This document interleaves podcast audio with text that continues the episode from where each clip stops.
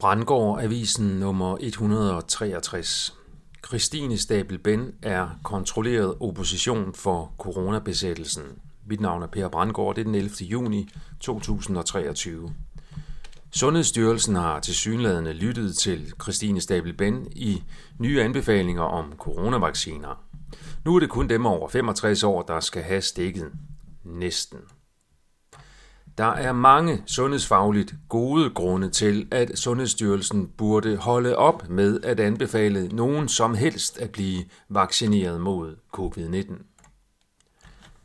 Dansk forskning har vist, at der er store og statistisk signifikante forskelle i forekomsten af bivirkninger mellem forskellige partier af coronavaccinerne.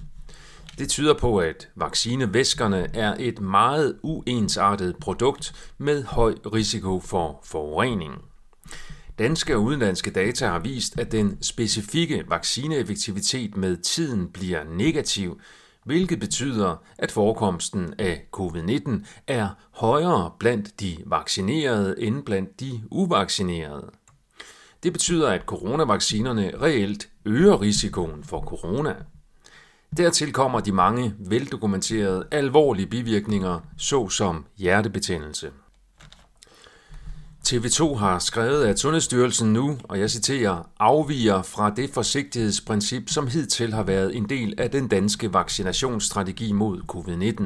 Citat slut ved kun at tilbyde vaccine mod covid-19 til de borgere, der er fyldt 65 år, samt til personer under 65 år, der er i øget risiko for et alvorligt forløb på grund af smitte med enten coronavirus eller influenza.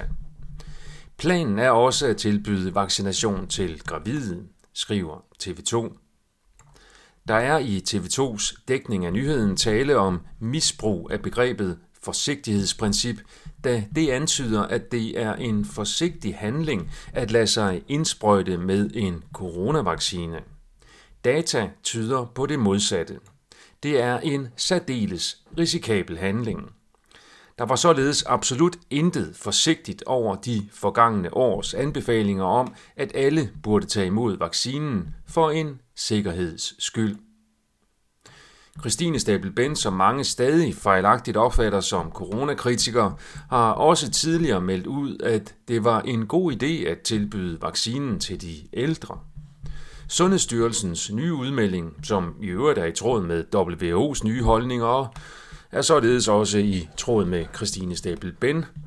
I den forbindelse bliver alle de vigtige forhold om vaccinerne ignoreret herunder mystikken om, hvad vaccinerne egentlig indeholder, samt den tidsmæssige dynamik i den specifikke effekt. Først reduceret, derefter aftagende og til sidst øget risiko for covid-19 som følge af sprøjterne med det ukendte og meget varierende indhold.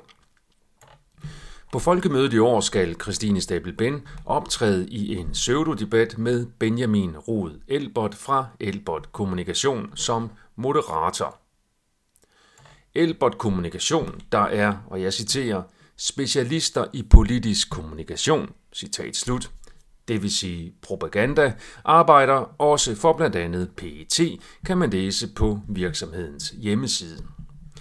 Elbert Kommunikation har også hjulpet Jens Lundgren, ligesom propagandavirksomheden står bag produktion af indhold til Christine Stabel-Bens podcast video Vaccine Curious.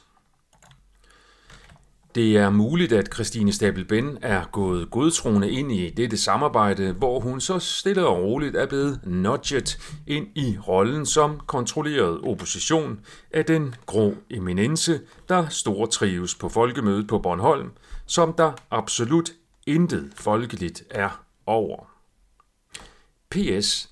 Bemærkede du, at gravide også skal have stikket i denne omgang?